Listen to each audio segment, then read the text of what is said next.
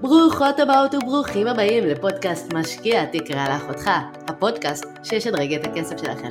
אני אורה אריאל, האופטימית, ולאחר שעשיתי מהפך מחוסר ידע טוטאלי בתחום הפיננסי לעצמאות כלכלית, אני רוצה לעזור גם לך לעשות את זה. אני רוצה להוקיר אותך על כך שהחלטת לקדם את עצמך כלכלית ולהאזין לפודקאסט שלי.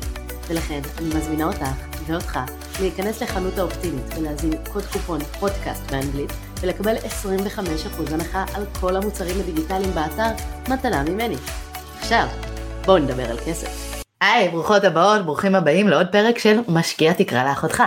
אני חייבת לפתוח את הפרק הזה בווידוי. האורחת שלי היום נטע אור, בזכותה יש לנו את הפודקאסט הזה, אז תגידו לה תודה. האמת שזה התחיל בזה שהיא הזמינה אותי להתארח בפודקאסט שלה, ודי ישבה עליי להוציא פודקאסט.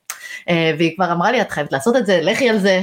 אז אה, הפודקאסט הכושל ביקום לי יש לציין, אחרי שני פרקים זנחתי אותו, אבל כן, לפחות נכון. יצא מזה זה. נכון, אני נותנת לך את הקרדיט לזה. אז אם אהבתם את הפרקים עד עכשיו, תדעו שזה בזכות נטע. אז מי זאת נטע? נטע אישה אה, מוכשרת ביותר, שבכלל הכרתי בתור המדסניקית בבסיס שלנו אי שם בגיל אה, 18, והיום היא הפכה לאימפרית נדל"ן. היא בעלת מספר דו ספרתי של נכסים ושותפה במספר פרויקטים של בנייה חדשה ופיתוח קרקע, וכל הזמן יוזמת עוד פרויקטים חדשים. מאיפה יש לה אנרגיה? אין לי מושג. מה שהכי כיף אצל נטע זה שיש לנו הרבה מאוד ערכים משותפים, וגם היא מאוד בעניין של להעביר את הידע הלאה ולעזור לאנשים ולנשים בפרט להשקיע. ולכן אנחנו יוצאות יחד עם עוד שותפה, לירון דורי, אל תדאגו, אתם תכירו אותה גם בהמשך, אני מבטיחה, אה, בתוכנית ליווי לנשים לעולם ההשקעות. אז מי שרוצה יותר פרטים יכולה להירשם בקישור בתיאור הפרק, אה, אבל עכשיו הזמן אה, להכיר את נטע. יכולה להישאר עם היין ביד, נכון? זה בסדר תוך כדי... אה, אני חושבת שזה רק מוסיף. חי. לחיים, תודה שהזמנת אותי, איזה כיף. מה גרם לך להיכנס לעולם הכסף בכלל? אני זוכרת אותך בתור אה, מדסניקית, התעסקת בספורט, איפה... כן, לא, לא נשאר, לא נשאר זכר לעיסוק בספורט. באמת שיחקתי כדורעף הרבה שנים, את פתאום מזכירה לי את הנשכחות. וואו, מה גרם לי להיכנס לעולם הכסף? אני תמיד מספרת שהקראש המטורף שלי על הכסף, סלאש ההבנה של מה זה עצמאות כלכלית עבורי, התחילה איפשהו כזה בכיתה ד', שאני זוכרת שהבנתי, זאת אומרת הייתה לי הבנה מאוד ברורה, שכסף מאפשר לי ליהנות מהדברים שלי חשובים. בכיתה ד' זה היה כזה לקנות קבוקים אחרי הכיתה, את יודעת, אחרי בית ספר, והבנתי שמי שאחראי על המשפך הזה של הכסף, על הברז, זה ההורים שלי. נכון. היו נותנים לי כסף, אני צריכה להחזיר להם עודף, אני צריכה לחשבן להם, אני צריכה לחשוב, אני צריכה...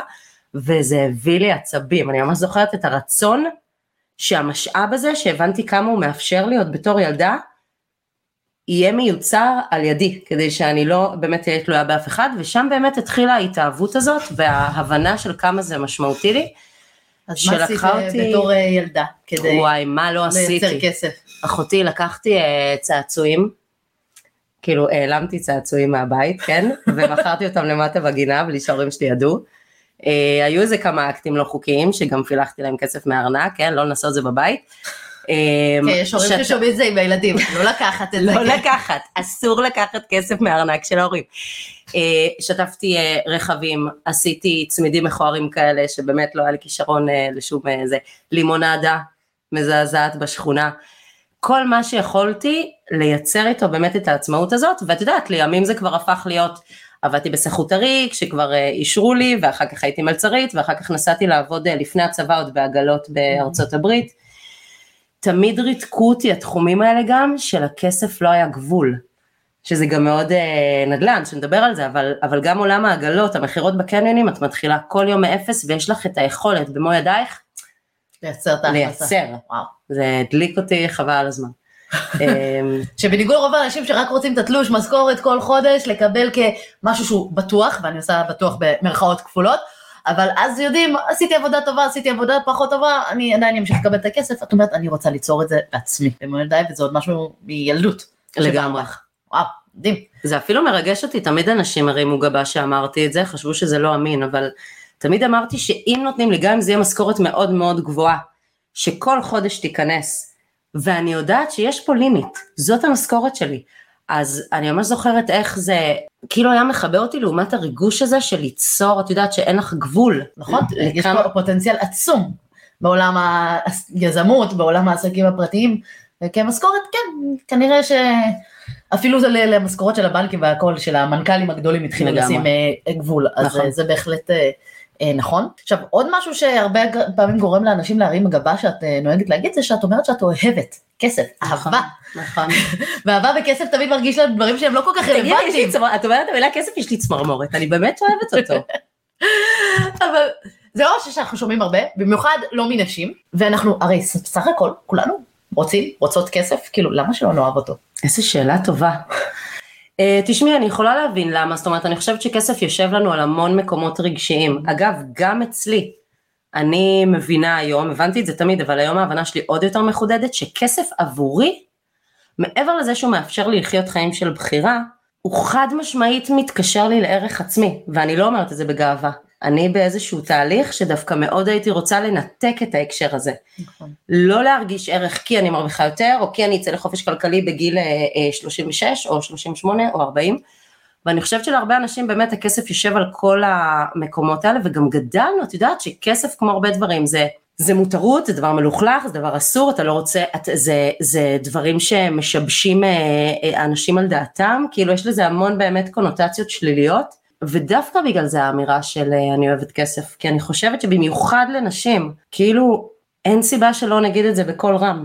זה לא הופך אותנו לחמדניות, לא לרודפות בצע ולא לשום דבר כזה, זה רודפת פשוט... אז אם את רוצה כסף אה, להתחתן עם מישהו אחר בשביל הכסף, אם את אומרת אני רוצה להצליח להרוויח את הכסף בכוחות זה עצמי, אגב, וזה מה שמדליק אותי, אם תגידי לי מחר, תשמעי נטע, את זוכה בלוטו, נופל עלייך 100 מיליון דולר, את בהיי? ממש לא. אהבת חייך הוא מיליארדר. זה, זה הייצור של הכסף מדליק אותי, לדעת שעכשיו, את יודעת, אני עושה אקסל, אני רואה את המספרים, אני באמת, כאילו יש לי צמרמורות, זה מדליק אותי ההתעסקות בכסף, הלהרוויח אותו, זה מה שמדליק אותי, לא הכסף עצמו. אני לא אסע בפורש מחר בבוקר. אני מסכימה איתך, אני תמיד חשבתי שהכסף הוא יותר אה, אמצעי מאשר מטרה, כי גם בסוף אין לי מה לעשות עם מיליון שקל בבנק. אה, זה לא מעניין אותי, מיליון דולר בבנק, זה לא רלוונטי. מה זה יכול לתת, איזה, איך זה יגרום לי להרגיש, מה, איך ממש. אני אחיה כשיהיה לי ממש. את הסכום הזה, כי ממש. לא מעניין אותי שהכסף יושב בבנק או שפיזית יהיה אצלי, מעניין אותי להשתמש בו. אגב, אני גם לא, את יודעת, ברמת אה, המטרות הכלכליות שלנו ומה נעשה איתן, נכון? תמיד יש את השאלה של מה הלמה שלך. אין לי, ת, ת, כאילו את רואה אותי, אני בחיים לא לובשת מותגים, זה לא מעניין אותי, רכבי יוקרה לא מעניינים אותי. מאז ומתמיד ההתנהלות שלי בעולם, וגם תמיד אה, הייתי מדברת על זה נגיד עם נשים, לא יודעת למה זה קרה, כנראה גם איזה משהו במסלול דרך הזה שהתחלתי בילדות, איזשהו תדר של שפע במה שקשור להוצאות למול הכנסות. אני תמיד מנסה להיות מוכוונת ללהגדיל את ההכנסה, למול לצמצם את ההוצאה, זה שלי אישית, אני יודעת שאני מכירה אותך כבר, אני יודעת מה את הולכת להגיד לי, שצריך גם וגם, אני מבינה את זה, עבורי, בהבנה שלי של נטע, המחשבה שמחר אני לא אקנה את הקפה טייק אווי, מכבה אותי, והכיבוי הזה עולה לי באנרגיות שיודעות לייצר לי פי עשר יותר מכמה שעולה הקפה. איך הגעתי לזה? אלוהים יודע. זה באמת... לא, אני, איתך, לא, אני גם בעד, כי שוב, כמו שאמרנו בהתחלה, הפוטנציאל לייצר את הכסף הוא באמת אינסופי. ואז יש גם גבול לכמה אני יכולה לצמצם את ההוצאות, כי עדיין יש איזה שהן הוצאות מינימליות שאני רוצה כדי אה, לחיות, אוכל, נכון. כאלה. אז אני כן בעד גם וגם, אבל כן, ברגע שהגעתי לרמה סבירה של רמת חיים שאני יכולה לחיות איתה בסבבה, אז חד משמעית, להתמקד ולהגדיל את ההכנסות. עבורי אגב, הלמה שלי הוא בשביל לחיות אה, חיים של בחירה, דווקא מבחינת חופש העיסוק. זאת אומרת, המחשבה שיש מישהו שעכשיו אחראי על, הז... מחזיק את הזמן שלי, או את החופש שלי לעשות את מה שאני באמת רוצה, מטריף אותי. היכולת שלי לבחור בכל יום לקום בבוקר, את יודעת, יש, כשאנחנו עבדנו על התוכנית נגיד עכשיו של, אמ, של ההשקעות, אני ממש זוכרת שאני יושבת באמת עם, עם דמעות בעיניים ואני אומרת, כמה מזל יש לי שאני יכולה לבחור לעסוק בזה עכשיו, וכמה מזל יש לי שאני יכולה מחר בבוקר ללכת לים, ויומיים אחר כך לעשות איזו עסקת נדל"ן, וזה מה שמבחינתי הכסף מאפשר, את היכולת לחיות את החיים כמו שאני מדמיינת אותם, במאה אחוז חיבור ללב ולתשוקה שלי. זה מבחינתי הכסף והחופש הכלכלי. זה, זה היה מאה אחוז המטרה שלי, להיות עם החופש בחירה. אבל בסוף את התחלת עם עולם הנדל"ן, ואת עוד התחלת את זה בגיל צעיר יחסית, ואיך התחיל, הלך ברעיון לקנות נדל"ן, ועוד בארצות הברית, כאילו, למה לא בארץ, למה לא זה, למה, החלטת ללכת על התחום הזה, אז, במקום אז, היזמות העסקית שנשמע שהיה לך אה, מגיל צעיר. אז קודם כל באמת אה, בגיל אה, 22, זאת אומרת אחרי שהתגלגלתי בעולם העגלות וסיימתי את הצבא, לכו לעשות צבא, זה חשוב. השתחררתי מהצבא ובאמת המשכתי בעולם, אה, בעולם אה, העגלות ופתחתי לימים עסק משלי בניו זילנד והעסקתי 20 ומשהו עובדים וגלגלתי מחזורי מכירות מאוד גבוהים ומטתי מפחד, כאילו אני ממש זוכרת את ה... זה היה ברמה שפחדתי להסתכל עם כל האהבה לכסף אגב, ו- ולכן אני תמיד אומרת שהמקומות האלה של המפגש שלי מול כסף הוא מורכב, אני מאוד אוהבת אותו, אבל גם יש לי שם באמת דברים לא פתורים כמו לכולנו. אבא שלי היה בודק לי את החשבון בנק, היה לי עסק שמגלגל באמת מאות אלפי דולרים וביקשתי מאבא שלי לבדוק את החשבון. ובשלב מסוים הרגשתי שהחיים שלי לא מאוזנים, כי ניו זילנד זה שעות הפוכות והייתי בחורה צעירה וקצת הלכתי שם לאיבוד ו- ובשלב מסוים סגרתי את העסק. והכרתי את יריב פז, מי שלימים הפך להיות שותף שלי, ש- שעסק באותו זמן בנדל"ן בארצות הברית. העסקה הראשונה שעשיתי בנדל"ן הייתה דווקא בישראל, קניתי דירה בהרצליה ששיפצתי וגם תכננתי לגור בה ואחר כך קניתי דירה להשקעה בחיפה, ודווקא אחרי בערך שנתיים אני זוכרת שאמרתי ליריב טוב הסנדלר הולך יחף אני צריכה לעשות גם עסקה ב- בארצות הברית. וככה זה התחיל. זאת אומרת עבורי אני תמיד גם אומרת את זה למשקיעים או משקיעות או אנשים שרוצים שאני אלווה אותם באיך נכנסים לעולם הנדל"ן, תמיד אני מרגישה שאני צריכה לעשות איזה גילוי נאות ולהגיד להם, אני הגעתי מה שנקרא מהדלת האחורית. נכנסתי שותפה של מישהו שכבר היה שם, זאת אומרת התחלתי כעובדת ולימים הפכתי להיות שותפה, אבל ככה נגלה אליי העולם הזה, אני באתי מבית שנדל"ן זה מילה, לא מדברים על נדל"ן בכלל, תקנה את הבית שלך שתגור בו, זהו. אפס, אם אתה יכול להיות באפס סיכון, כמה שפחות משכנתה, משכנתה זה דבר נורא, לא לקחת משכנתה, לא להיות בחובות, בטח לא לדמיין השקעות וכל מיני אה, עניינים שרצו לי בראש, ו, ולעבוד קשה, כאילו זה הבית שאני באתי ממנו, מינוף זה מילה, באמת, זה זוועת הזוועות. האמת שהרבה בזכות יריב באמת, אז נכנסתי לתחום הזה של להבין את הערך של הנדל"ן, את המינוף, את העולמות האלה של הכסף, ומשם התגלגלתי, אבל דווקא הפריצה הגדולה מבחינתי, זאת אומרת, פריצה, נשמע כאילו אני ביונסה, אה, לא ביונסה, אבל המקום הזה שבאמת הרגשתי שאני יוצאת החוצה, הייתה באמת לפני שנה וחצי, שיצאתי לדרך הבאמת עצמאית שלי, והתחלתי לעשות את הדברים כמו שאני מדמיינת ומרגישה אותם בקרביים, את יודעת, כאילו כל ה... ואז באמת אה, הכל התחיל לרוץ. תראה, אפרופו מה שהתחלת אה, להגיד, שכאילו תקנו את הבית למגורים וזהו, את עשית צעד, ברגע שיצאת לדרך העצמאית הזאת שלך, עשית צעד אה, שהוא פחות נפוץ, מכרת את הבית מגורים שלך, וקנית איתו דירות להשקעות. כאילו זה אחד הדברים שהם יותר אה, אה, אה, מלחיצים וזה. נכון. אה, כאילו, מה גרם לך לעשות את זה? כשיצאתי לדרך העצמאית אני זוכרת שבאתי לשחר אב ילדיי ואמרתי לו תקשיב כאילו אני רוצה להתחיל לעשות את הפליפים האלה כולי בוערת על הדבר הזה והתחלנו לעשות את החישובים זאת אומרת התחלתי לעשות את החישובים והוא זרם איתי כי זה שחר כפר עליו התחלתי לעשות את החישובים כמה אפשר לחלץ החוצה מהקירות של הדירה הזאת בהרצליה. הייתה לי אז כבר את הדירה נוספת מניבה להשקעה בחיפה כמה אפשר לחלץ החוצה מהדירה הזאת בהרצליה? ואני זוכרת שאני מסתכלת על המספרים, אני יודעת מה הפוטנציאל שאני יכולה לעשות בארצות הברית, ואני מתעצבנת, כי זה לא מספיק, כי אני צריכה עוד כסף, ובסוף זה היה עניין של עלות תועלת, חישוב של כמה אני יכולה מאותו כסף של דירה לייצר בארצות הברית, למנף לי את הפעילות החדשה הזאת שם, ובמקביל המחשבה של אנחנו באותה תקופה רצינו לעבור לגור במושב.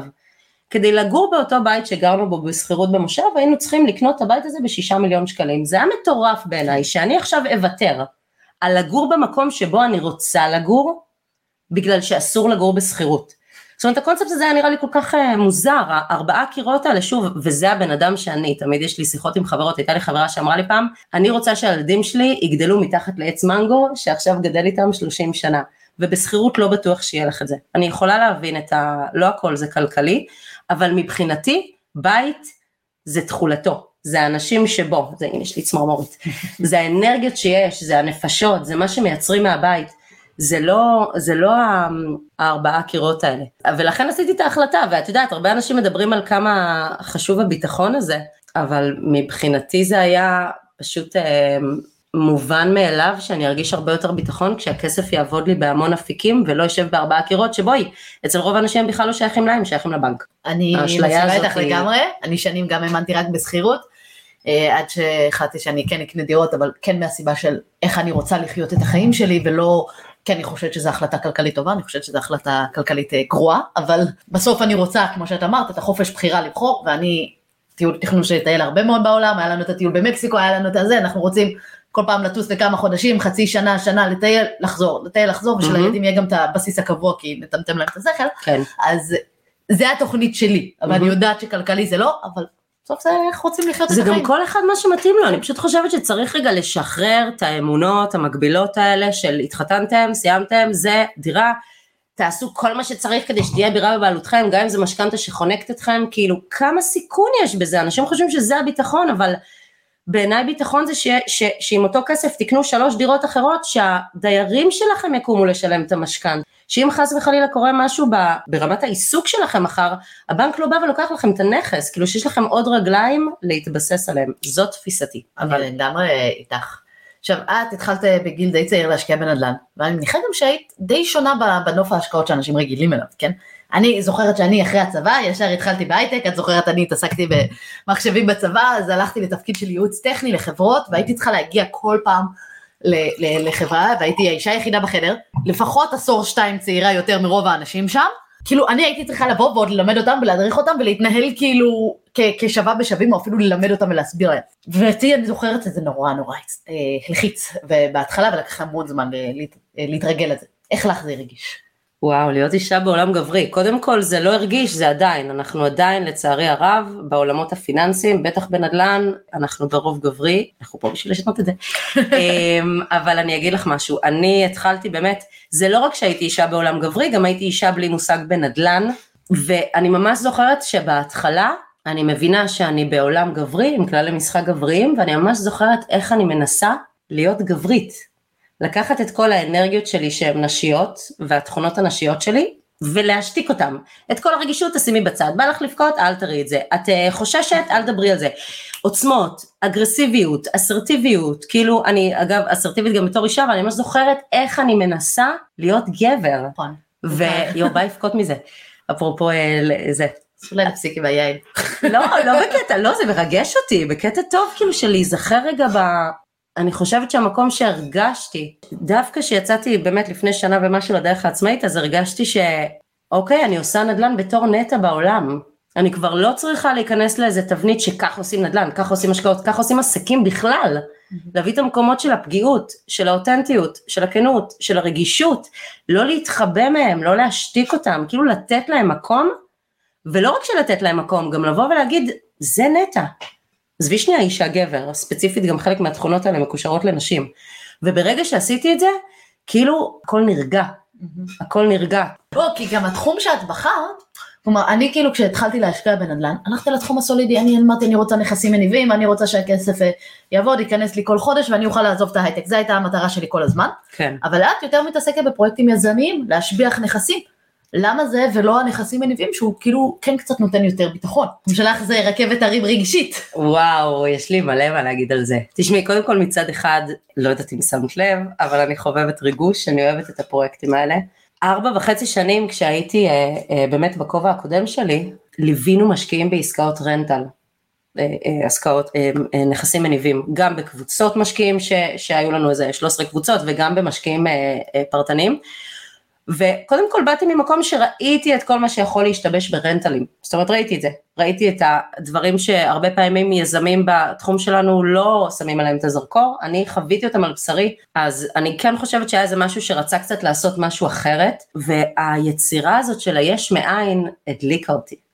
כאילו קודם כל הבחירה בפליפים בשנת 2021, נכנסתי לקליבלנד אוהיו, עשיתי 35 פליפים בשנה, אני, אני רוצה להגיד את זה בגאווה, בתכלס זה היה כישלון גדול, שאני גם לפני כמה זמן כתבתי פוסט, באמת שנייה לפני שעליתי על טיסה, אחרי הנסיעה הראשונה שלי, הרגשתי שאם אני עכשיו לא מספרת לעולם על זה שזה לא היה נוצץ כמו שאולי אנשים חשבו מהפוסטים שלי, אני הולכת למות, באמת הרגשתי ממש חרדה, וכתבתי, אני הולכת לעשות זום על איך לעשות 35 פליפים ולהיכשל. באמת, אין טעות שלא עשיתי בפליפים האלה, אבל זה הדליק אותי. שאני רק רוצה, אם מישהי לא מכירה את המונח, פליפ, סליחה. זה אומר אה, לקנות נכס, אולי אפילו משהו שבור, הרוס, זה לקחת אותו, לשפץ, ואחר כך, אחרי כמה חודשים, שנים, לא משנה כמה זמן, למכור אותו ברווח. המטרה היא לא להרוויח מהשכירות, אלא להשביח אותו. נכון.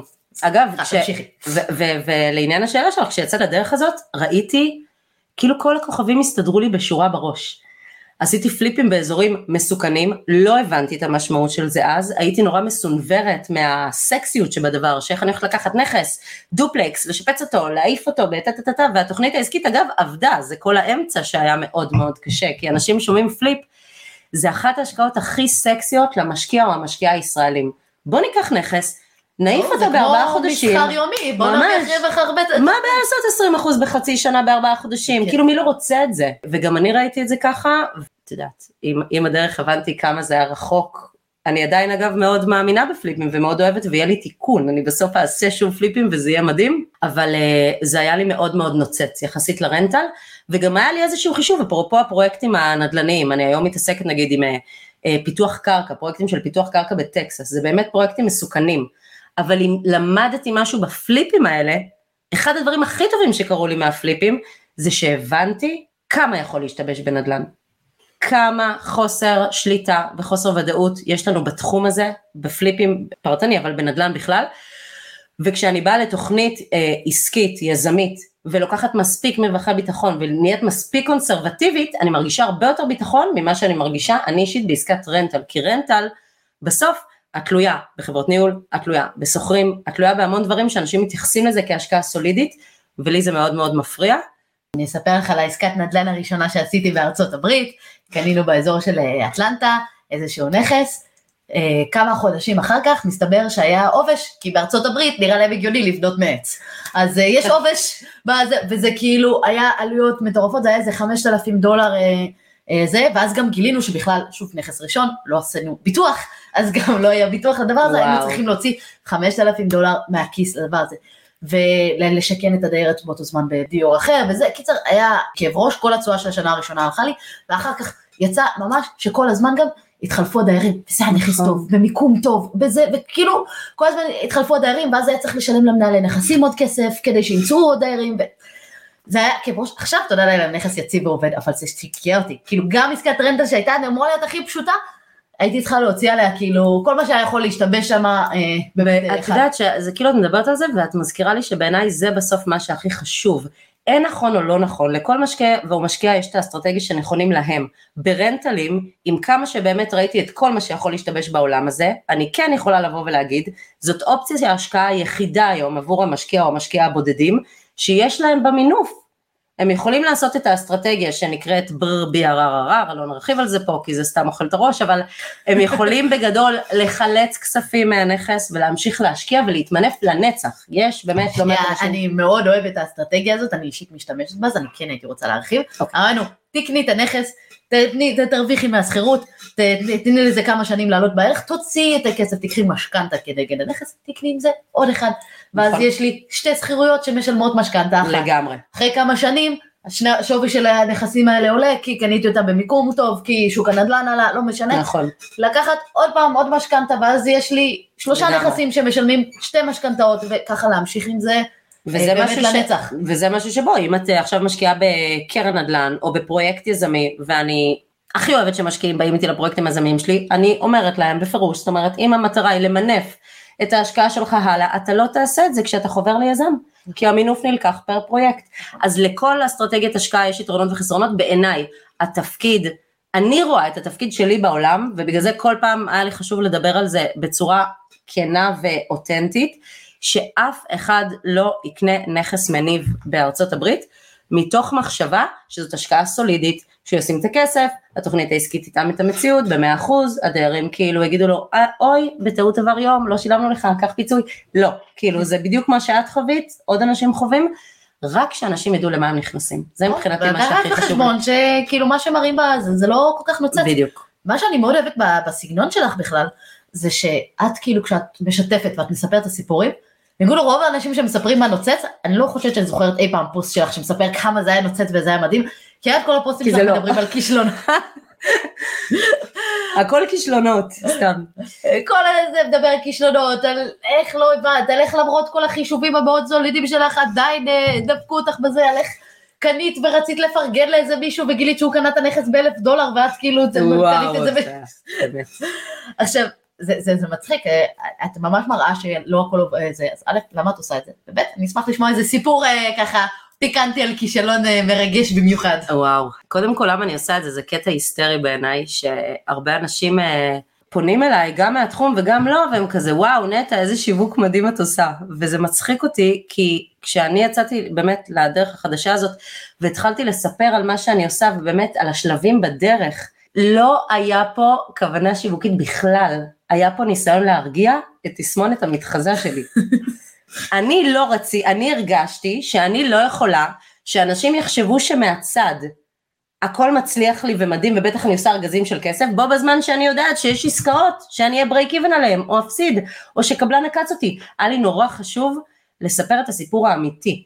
לא רק על עסקאות שלי, בכלל על נדל"ן, מין אה, תקראי לזה שליחות או איזה תשוקה, לא יודעת, שאנשים ידעו את האמת. להנגיש את תחום הנדל"ן וההשקעות לאנשים בצורה האמיתית שלו. אני מאוהבת בתחום הזה, אבל באמת שלו. לא בהכל נוצרת, כולנו נהיינו עשירים, כן, נו, יושבים, תשואה, אה, נופלת. יושבים במקסיקו על, על זה הבריכה. ספציפית כן, אחותי, אז כאילו זה, אבל היה לי מאוד חשוב להגיד את זה, ופתאום אנשים התחברו לזה, כי זה עבר להם אותנטי, אז הם רצו לבוא להשקיע, אבל זה לא היה מאיזה מקום כזה, זה היה באמת ממקום של נשמע הרבה יותר אמין. פשוט תדעו מה באמת קורה. זה לא ניסיון לקנות את אמונכם, זה לא ניסיון אה, אה, לשווק, אה, ברור שיש פה, ברור לי, כן, אני מדברת על נדל"ן והכל, אבל בא לי שנייה להגיד את האמת, כאילו בא לי שנייה בתוך העולם הזה שבאמת הרבה פעמים הוא יכול להיות לא אמיתי ולא אותנטי, להביא איזושהי אמת, ככה זה התגלגל, וזה גם נתן לי לנשום, אפרופו הקטע של להיות גברית, וזה נתן לי פשוט להיות נטע. תקשיבו, זה האמת, זה מה שקרה. וזה פשוט מדהים אותי איך כל פעם שאני אומרת זהו, אחרי הפוסט הזה לא יהיו לי משקיעים בחיים. אחותי, התחלתי פוסט, איך עשיתי 35 פליפים ונכשלתי. ועדיין התגובות, אני באמת לאט לאט, ככל שעובר הזמן שאני בתחום הזה, אני מבינה שמה שמשקיעים ומשקיעות בעיקר מחפשים, זה את הבן אדם לסמוך עליו. שהם יכולים לסמוך עליו. תשאלי היום משקיעים ומשקיעות של למה אתם משקיעים עם נטע, הם לא יגידו בגלל הידע המקצועי, לצערי הרב, לא שחסר לי, כן, כאילו, אבל זה כי, כי התחושה שלהם זה שאני אמות לפני שאני אתן להם לה- להפסיד כסף, וזה נכון. זה, את, אני, אני לא שנה בלילה מהפחד על המשקיעים, ובסוף אני מניחה שאנשים מרגישים את הדבר הזה, וזה כנראה מה שעבר אה, אה, בפוסטים, אבל גם איזושהי אחריות שבעיניי צריך להיות לכל מי שעוסק בתחום הזה, לכל היזמים והיזמיות, פאקינג תגידו את האמת. לא יקרה כלום, המשקיעים של 2022 הם לא משקיעים מטומטמים, הם מבינים שיש פה סיכונים. לא צריך, לא צריך לספר להם, להפך, אני תמיד אומרת, אתה בוחן עכשיו השקעה בנדל"ן, אל תחפש יזם שאומר לך שאין סיכונים, תחפש יזם שמדבר על הסיכונים, ומה הוא הולך אני אפילו לעשות אומרת, איתם. אם אתם הולכים להשקעת נדל"ן או כל השקעה אחרת ואומרים לכם אין סיכון בכלל, אני פוסלת את הדבר הזה על הסף, וכבר יצא לי לראות השקעות כאלה, וכבר כמה שנים אחר כך יצא לי לראות תחקירים על ההשקעות. האלה. עזבי אין סיכון בכלל, אפילו הצורה הזאת של כאילו, את יודעת, כזה להחליק את הסיכונים, בקטנה, אז בואי נשאר הדולר יתרסק, אז מה אם יהיה משבר, לא נורא. למה לא לבוא ולהגיד, כן, זה סיכון, זה נדל"ן, למה, למה שלא יהיה פה כן, סיכון? למה ברור אתם שיש חושבים פה שאתם סיכון. תשקיעו ולא ולא יהיה סיכון, זה בכלל, למה ההשקעות הולך יד ביד. אבל גם לא להשאיר את המשקיע עם מחשבה שיש סיכון וזהו, מה אתה בתור יזם או יזמת עושים עם הסיכון הזה? אני יכולה להגיד לך שאני היום, לא משנה כמה דיו דיליג'נס אני אעשה על השותפים שלי בשטח, על הזה, על העסקה, על הקומפס, הקומפס זה comparable sales, זה השוואת מחירים של האזור, לא משנה כמה בדיקות אני אעשה מבחינתי, הכל שווה לתחת, תסלחי לי שאני אומרת את זה, אם אני לא מרסקת את התוכנית העסקית למינימום שלה, ואומרת שהיא עדיין עובדת לי, גם אם עכשיו היא ב-50% עובדת, אני לא נכנסת לעסקה. כי באמת חוויתי על בשרי את כל מה שיכול להשתבש. וזה מבחינתי ההגנה הכי טובה שאני יכולה לתת למשקיעים או לעצמי. זאת אומרת, זה מבחינתי ה- להיות הכי פסימית שאפשר. הכי פסימית. בפודקאסט של האופטימית, זה מה שאת אומרת. אוקיי. גדל. אבל אנחנו ככה כבר נכנסנו יותר לשיתופים אישיים, וברמה האישית את אימא, לשני ילדים קטנים, ולאחרונה גם נפרדת מבן הזוג שלך, ועכשיו אתם מגדלים אותם במשמורת משותפת, ואיך מסתדר ניהול עסקאות נדל"ן מרחוק, שעות הפוכות, לטוס לחו"ל, זה גם מבחינת היציבות הכלכלית, וגם מבחינת אה, כמה את יכולה להיות עם הילדים, כי אמרת, נדל"ן זה נותן לי את הבחירה, אבל כשאין איזה פרטנר, אני כאילו לא יודעת מה אני אעשה, בלי לירון, ובלי שמישהו בא לי רק עם ילד אחד קטן. איך מתמודדים עם הדבר הזה? טוב, אני אחלק את זה לכמה חלקים. קודם כל, לבוא ולהגיד ששחר, אבא של שי, a.k.a שושה, אה, ואלון הוא גבר, וואו, הוא פרטנר לדרך, הוא תמיד היה פרטנר לדרך, והוא גם פרטנר לפרידה. הוא אבא מדהים, ואנחנו מצליחים למצוא, לא עברנו את המשבר המטורף שלפעמים, את יודעת, את חס וחלילה עוברת בגירושים שמפרק את כולם לרסיסים. אני לא יודעת ולא רוצה לדעת. לא רוצה, אבל חמסה חמסה חמסה. אז זה קודם כל, זה קודם כל לדעת, כדי שיהיה פה, את יודעת, משחק הוגן, אני רוצה להגיד את התנאים, זכית באמת שותף לדרך. מעבר לזה אני אגיד שכל החיים ידעתי שאני לא רוצה להסתמך על אף אחד כלכלית, ולכן ייצרתי את הכסף שלי לבד, מההתחלה. באתי עם הון עצמי בתוך המערכת הזוגית הזאת, אני לא מתביישת להגיד שחתמתי על הסכם ממון, אני חושבת שזה דבר. שהוא חשוב, אנחנו במציאות שבאמת לא מעט זוגות מתגרשים, הרגשתי שזו הגנה מאוד חשובה שעשיתי. בוא לא נגיד לא מעט, אחד מתוך שלוש. סטטיסטיקה זה סטטיסטיקה. הסטטיסטיקה, אוקיי? אז הצד הכלכלי של הפרידה גם היה תפור, ואת יודעת, ייצרתי, ידעתי לייצר כסף. זאת אומרת, ידעתי ש, שלמחרת בבוקר של פרידה אני אלך ואני אייצר כסף לתא הפרטי שלי. אין ספק שיש פה, ואני מדברת יותר מהמקום של הבדידות, את פתאום לבד. זאת אומרת, אני מנהלת עסק לבד, אמנם עם שותפים וכולי, אבל בסוף זה אני לבד, ואחר כך את גם לבד עם הילדים, ויש המון המון לבד, וזה לא פשוט. בטח לא שאת צריכה עכשיו, כשאת במשמרת, שזה טורח להיות עם הילדים, בשעות של הברית, זה שעות הפוכות וכולי, לא פשוט, יש גם נסיעות הברית, התשוקה לעשייה קודם כל מובילה אותי, וגם יש לי כל הזמן מחשבות, הנה שוב עולות לי דמעות, כל הזמן מחשבות, שזה מה שאני רוצה ששי תראה. שהיא תראה אימא שלא מוותרת על עצמה, שהיא לא תראה אימא ששמה את עצמה בצד, ואגב, לכל פעם שזה אה, אה, המשמרת שלי, אני מגיעה לאסוף את הילדים, לא כי זה מה שאימא טובה צריכה לעשות, כי זה מה שאני בחרתי. זה מה שאני בחרתי, אני גם בוחרת לטוס לשבוע לארה"ב כל רבעון, יכול להיות שזה לא אימא מצטיינת, אבל אני עשיתי בחירות, והיכולת שלי לייצר כסף והמערכת הכלכלית שיצרתי לעצמי מאפשר לי לעשות את הבחירות האלה. אגב, אפרופו שעות הפוכות, לפני כמה זמן מישהי שאלה אותי איך זה עובד, כאילו את בדיוק בשעות שאת אמורה להשכיב אותם לקלח אותם, זה השעות מול ארצות הברית. כחלק מהפרידה וכחלק באמת מהשנה האחרונה שהייתה מלאת אה, טלטלות, הייתה תקופה שבאמת, לא רוצה להשתמש במילה דיכאון כדי לא להפחיד את מאזיננו, אבל הייתה תקופה מאוד קשה. מצאתי את עצמי שאני לפעמים מתנתקת, ולפעמים לא זמינה 24/7, ולפעמים לא מגיבה ישר למייל, וגיליתי שהכל בסדר. שלא קורה שום דבר, וזאת המציאות שלי היום, שעה 4:00, הטלפון בצד, אלא אם כן יש מקרים דחופים שהוא יצלצל ואני אגיד שאני אחזור, קרה משהו, ניס- עלה באש הבית, יש ביטוח, לא נורא, הטלפון בצד, לא יקרה כלום, אם מ-4 עד 8 נטע לא תהיה זמינה, הכל בסדר, ואני אגיד לך יותר מזה, יסלחו לי באמת אנשים אה, זה, אני יודעת שיש איזו אמירה כזאת שאנחנו עובדים עד 3-4 בבוקר, אולי חלק מיזמי הנדל"ן כן, אני בשעה 11 אין לי מי לדבר, אני רוצה לראות נטפליקס. ולאכול גולדה, למרות שכרגע אני לא בפחמימות אז אני לא יכולה, אבל זה מה שאני בחרתי, ככה אני רוצה לנהל את זה. ואם זה אומר, אפרופו מה שדיברנו קודם על חופש העיסוק ועל הבחירה, אם זה אומר שאני אעשה עסקה אחת פחות, אז אני אעשה עסקה אחת פחות. אני רוצה להיות עם הילדים, אם אני רוצה לטוס לחו"ל, אני, אטוס לחו"ל ואמצא את הפתרונות, אם אני רוצה לכבות את הלפטופ ב-11 בלילה, אז, אז זה מה שאני רוצה, כי בסוף בשביל מה אנחנו עובדים כל כך קשה, אם לא בשביל... אני, אני איתך לגמרי, כלומר, אני גם זוכרת שזה מה שנורא חשוב לי, כלומר, להיות במקום הזה שיש לי את החופש בחירה כל פעם, ולבחור לעצב את השעות. וגם אני, לי זה, ילד גם לא נותן לי ברירה, גם אם אני רוצה לראות את הטלפון, אומר לי, אמא תשימי את הטלפון בצד, או כאילו מתחיל לרוץ לכיוון הכביש, ואז אני כאילו חייבת להפסיק אה, להיות בטלפון, וצריכה להיות איתו, ומ-4:00, כן, אין, אין עם מי אה, לדבר.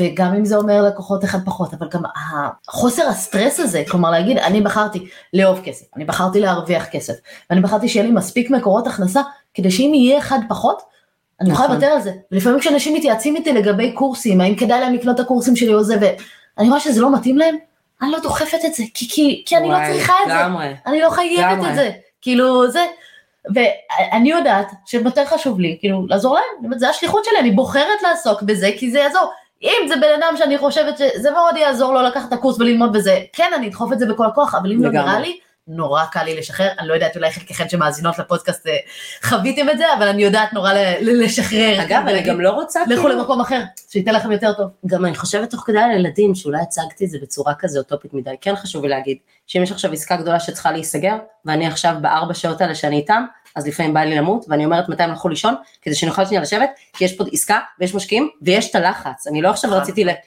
כולנו, את יודעת, בפיקניקים, בפארק הרצליה, ותוך כדי הכסף נופל, כאילו לא, זה חשוב לי באמת, שוב, המקום האותנטי הזה של להגיד, יש פה לפעמים סטרס, יש פה אה, אה, ויתורים, אני עוזבת את הילדים שלי פעם ברבעון לשבוע, אחרי פרידה מאבא שלהם, זה בטוח לא ווין ווין לכל הצדדים, זאת אומרת, יש פה את הדברים האלה, אבל אני כן חושבת שאפשר את הגם וגם וגם. אני כן חושבת שתוכל להיות... מקסימום יהיה לך כסף לפסיכולוג בשבילך. כן, אה, אני ממש מקווה שלא נגיע לזה. אבל אה, כן, וזה, וזה מזכיר לי באמת את הנושא הזה שהרבה אנשים כאילו קורעים את התחת, עושים ויתורים כל כך גדולים מתוך המקום הזה של נגיע לחופש כלכלי, בשביל מה? כדי שבחופש הכלכלי הזה יהיה לכם זמן להיות עם הילדים? אני באמת מאמינה בשילוב הזה של היום לבחור לחיות כאילו אתם בחופש כלכלי, והיום לראות את הילדים כאילו אתם או בחופש כלכלי. שתעשו את זה לפני שהבאתם את הילדים. גם עדיף. עכשיו, את החלטת למקד את העבודה שלך עם אה, משקיעות דווקא, אה, ולקדם כלכלים אה, נשים, והיום אני איתך גם שותפה לנושא הזה, ואנחנו גם, יש, משיקות תוכנית ליווי ייחודית לנשים בנושא השקעות, בנדל"ן, אבל אני רוצה לשאול אותך, מה יש לך להגיד לגברים? יואו, אני שרופה על גברים. גברים, אם אתם שם, אז שתדעו שאני אוהבת אתכם מאוד. וואו, אין לי כלום נגד גברים, אני הכי בקטע של גברים. והיא גם רווקה עכשיו, אז... אה, לא מביך בכלל, אורה, תודה על זה. כשבאמת אה, התחלתי לעשות את הפליפים ואת הדברים, הייתה לי, הייתי באיזשהו ריטריט, ריטריט נשים כזה של יומיים, ואני מדברת שם על כסף, אני מדברת, אני מדברת, והקבוצה שהייתה איתי, אמרו לי, תשמעי נטע, זה לא מובן מאליו, זה לא מובן מאליו איך שאת מדברת על כסף. משהו בפתיחות שלך לנושא הזה, בתשוקה שלך, יכול לגעת בנשים אחרות, וזה היה אחרי שנים שהסתובבתי עם uh, רצון לייצר כסף, ואני מייצרת כסף, ואני מתעסקת בכסף, אבל לא הבנתי למה אני לא, למה אני לא משאירה חותם בעולם. זאת אומרת, למה אני לא עושה עוד משהו שעושה טוב, ואז אמרתי, הנה הפיצוח שלי. אני לא צריכה להתנדב בכל מיני מקומות או לא זה, זאת אומרת, גם כן, כדאי להתנדב, לא, רציתי לצאת זה, אבל פה אני יכולה לגעת באמת בלבבות של נשים. לא רק להדליק אצלם את התשוקה לכסף, אלא גם להגיד להם שזה בסדר לעשות את זה כמו אישה. שאת לא צריכה להפוך להיות גבר, את לא צריכה לוותר על הילדים, את לא צריכה, תשתחררי מכל האמונות שחשבת שזה מה שזה אומר להרוויח כסף, ו- ואפשר לעשות את זה אחרת. ושם התחילה התשוקה המאוד גדולה שלי, ובאמת אה, לפני שנה ומשהו, ממש יצאתי לדרך, ארגנתי את הקבוצת משקיעות הראשונה, עשר משקיעות שאני זוכרת שאני באמת בדמעות היסטריות על סף לבטל את הזום, כי אני אומרת אין סיכוי שמישהי תשקיע איתי בחיים, כאילו מה, ו- ובאו איתי עשר נשים מהממות, ועשיתי את הקבוצה הראשונה של חצי מיליון דולר, שיחד איתם רצתי בפליפים, ואני זוכרת את ההתרגשות שיש פה נשים, נשים בחרו בשעת איזה, אני חושבת שזה היה איזה יום אה, שלישי בערב, הם בחרו לבוא להקשיב על, על כסף, לדבר על כסף. ואני מרגישה שזה משהו שאנחנו חייבות לקחת את השליטה בו לידיים שלנו, אה, ובשביל זה גם התוכנית שלנו obviously, כי זה באמת בוער בי. כאילו אנחנו חיות במציאות כזאת שאין מה לעשות, זה אי אפשר, אני לא יכולה לדמיין מה היה קורה לי בתהליך הפרידה הזה, אם לא היה לי את הגב הכלכלי שיצרתי, אם לא היה לי את היכולת לייצר כסף, מה היה קורה? הייתי נשארת במערכת יחסים שאולי לא גורמת ללב שלי לפעום שנים בגלל שאני מפחדת לעזוב את הבית, או אם חס וחלילה, את יודעת, אני חושבת על נשים ששמות רגע את כל הקריירה שלהם בצד, כי הם עכשיו עם הילדים, ואני חלילה לא מזלזלת באף בחירה של מישהי, אבל כסף הוא משהו שאנחנו צריכות, ומבחינתי, אם לי יש את היכולת איכשהו לחבר נשים לעולם הזה, רוקנרול אחותי. אני לגמרי מתחברת, את יודעת, לכל מה שאת אמרת. אני חושבת שאצלי נגיד זה מגיע מתוך המקום של אולי הקיצוניות שהייתי בה, כי הייתי עשור בהייטק. ובאמת כאילו שנים הייתי האישה היחידה בחדר, שנים היו כנסים, ואו שהיו אה, שואלים אותי אם אני מלצרית ומבקשים ממני לפנות להם דברים, את צוחקת אבל זה היה החיים שלי, כאילו היו אומרים לי לכי תביאי את הכוס הזאת, לכי תביאי את הזה, עד שתרגלו לראות אותי בנוכחות. אה, ואז תמיד הייתי מבסוטה שאין לי תור לשירותים בהפסקה וכאלה, כי זה אולי היתרון היחידי שיש, אבל אה, אני מרגישה שזה נורא חסר. ואני מרגישה שלנשים גם חסר מודלים לחיקוי, זה כל המטרה של הפודקאסט הזה, לתת מודלים לחיקוי של נשים, שיראו עוד נשים אחרות מכל הסוגים, מכל המגוונים, בזוגיות, בגיל מבוגר, בגיל צעיר, בגירושו, לא משנה מה, כל אחת יש לה את המקום והיא יכולה לעשות את זה, אני רוצה לתת כמה שיותר אה, אה, דוגמאות, כי אין לנו את זה, ואני זוכרת נכון. שעשינו את המפגש של אנשים משקיעות, וזה היה ערב שממש נחקק אצלי, כי זה, א', ישבנו שם עד איזה נראה לי אחת בלילה, וואו. קיפלו את הכיסאות עלינו, שברנו את המקום. אבל זה היה פשוט פעם ראשונה שנפגשתי עם עוד נשים, לדבר איתם על כסף, על השקעות, על דברים שלא יצא לי לדבר בכזאת צורה עניינית, עם, רק, רק עם גברים. וזה היה כל כך חסר את האחווה הנשית הזאת, ואני רוצה לתת את זה הלאה. ואני- יואו, זה כל כך חשוב. זה- פודקאסט זה- שלך כל כך חשוב. לא, אני גם אומרת. אנחנו, אני גם אומרת כאילו, אנחנו כל כך מאחורה בכל כך הרבה תחומים, ויש איזה כל הזמן ציפייה שיעשו חוקים לטובתנו, ויתקנו את העולם, וזה זה נכון, כאילו צריך לעשות הרבה, אבל יש אצלנו כל כך הרבה כוח, תקשיב, לפני כמה זמן הלכתי. אני אה, בדיוק בתהליך רכישה של איזה מרכז מסחרי דווקא בארץ, עם אה, שותף מהמם. כשהגענו לראות את המרכז המסחרי, אז באתי איתו, ואומנם יש לו הרבה יותר ידע מלי במרכזים מסחריים, בטח בישראל, אבל זה היה מדהים איך המתווך דיבר רק אליו. ואני בטוחה שמה שרץ למתווך בראש זה, היא, עובדת, היא עובדת אצלו, או שהיא המזכירה שלו, ו, וכשישבתי אחר כך, את יודעת, בשולחן המשא ומתן, והיה שם רק גברים ואני, ואני זוכרת שאמרתי, והם מסתכלים לי בעיניים, ואני חלק מה, מהמשא ומתן, אני חלק מהשיח, ואני אומרת לעצמי, חייבת פעולה פיזית, זאת אומרת חייבת פעולה, אנחנו חייבות לפעול בשביל להיכנס ללופ. כן. לא יכניסו אותנו ללופ, אנחנו חייבות לקפוץ למים, אנחנו חייבות להיות בתחום, אנחנו חייבות לצאת החוצה ולהתחיל לעשות, כדי שלאט לאט זה לא יהיה מוזר שיושבת אישה בחדר שמדברים עליו אה, על נדל"ן או על לא, השקעות בכלל. או שזה יהיה מוזר שיושבת רק אישה אחת. בדיוק. זה, זה מה שאני רוצה. בדיוק. אני גם מאוד מאמינה ששוב, זה, זה כאילו כל כך עצוב להגיד את זה, אבל כסף מסובב את העולם, מי שיש לו כסף יש לו כוח. נכון, ואני נכון, כן חושבת נכון. שעל ידי השקעות ועל ידי זה, אנחנו נשים נוכל לצבור יותר כוח. וכל המחקרים מראים שברגע שלנשים יש יותר כסף, הן הופכות את העולם ליותר טוב. נכון. יש אפילו מחקרים של חברות פילנטרופיות שנותנות תרומות, שנותנות תרומות אך ורק לנשים, כי הן אומרות שלנשים יש כסף, הן עושות את זה לטובת הילדים, לטובת הקהילה, והן מפתחות את, את העולם והן הופכות אותו למקום יותר טוב, את האזור שלהם. וכשאנחנו נותנים את זה לגברים, הם הולכים להשתכר או עושים איזה הימור מטורף, וזה לא, לא באמת כולם, מפתח. לא כולם, חלקם. לא כולם, אבל אנחנו אוהבות גברים.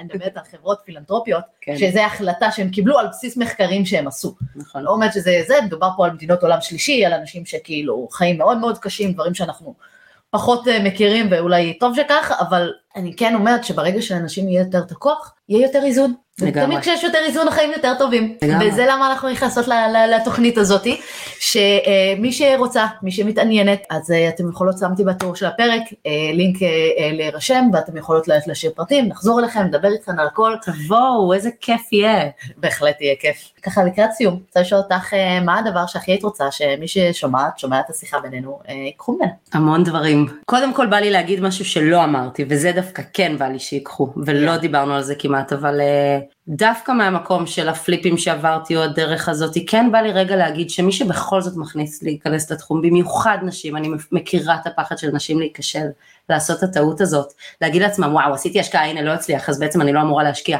העולם הזה שלנו של ההשקעות זה ריצה לטווח ארוך גם כשתוך כדי יש ספרינטים.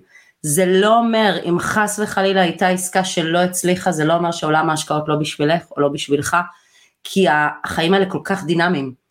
ואני תוך כדי בפליפים באמת שלא מצאתי את עצמי מרוב מבוכה של איך אני עושה את הטעויות האלה, פתאום נכנסתי לה, עם השותפים המדהימים שלי בטקסס ועשינו פרויקטים מדהימים ולא לשפוט את עולם ההשקעות או הנדל"ן על הצלחה אחת או חוסר הצלחה, זה קודם כל.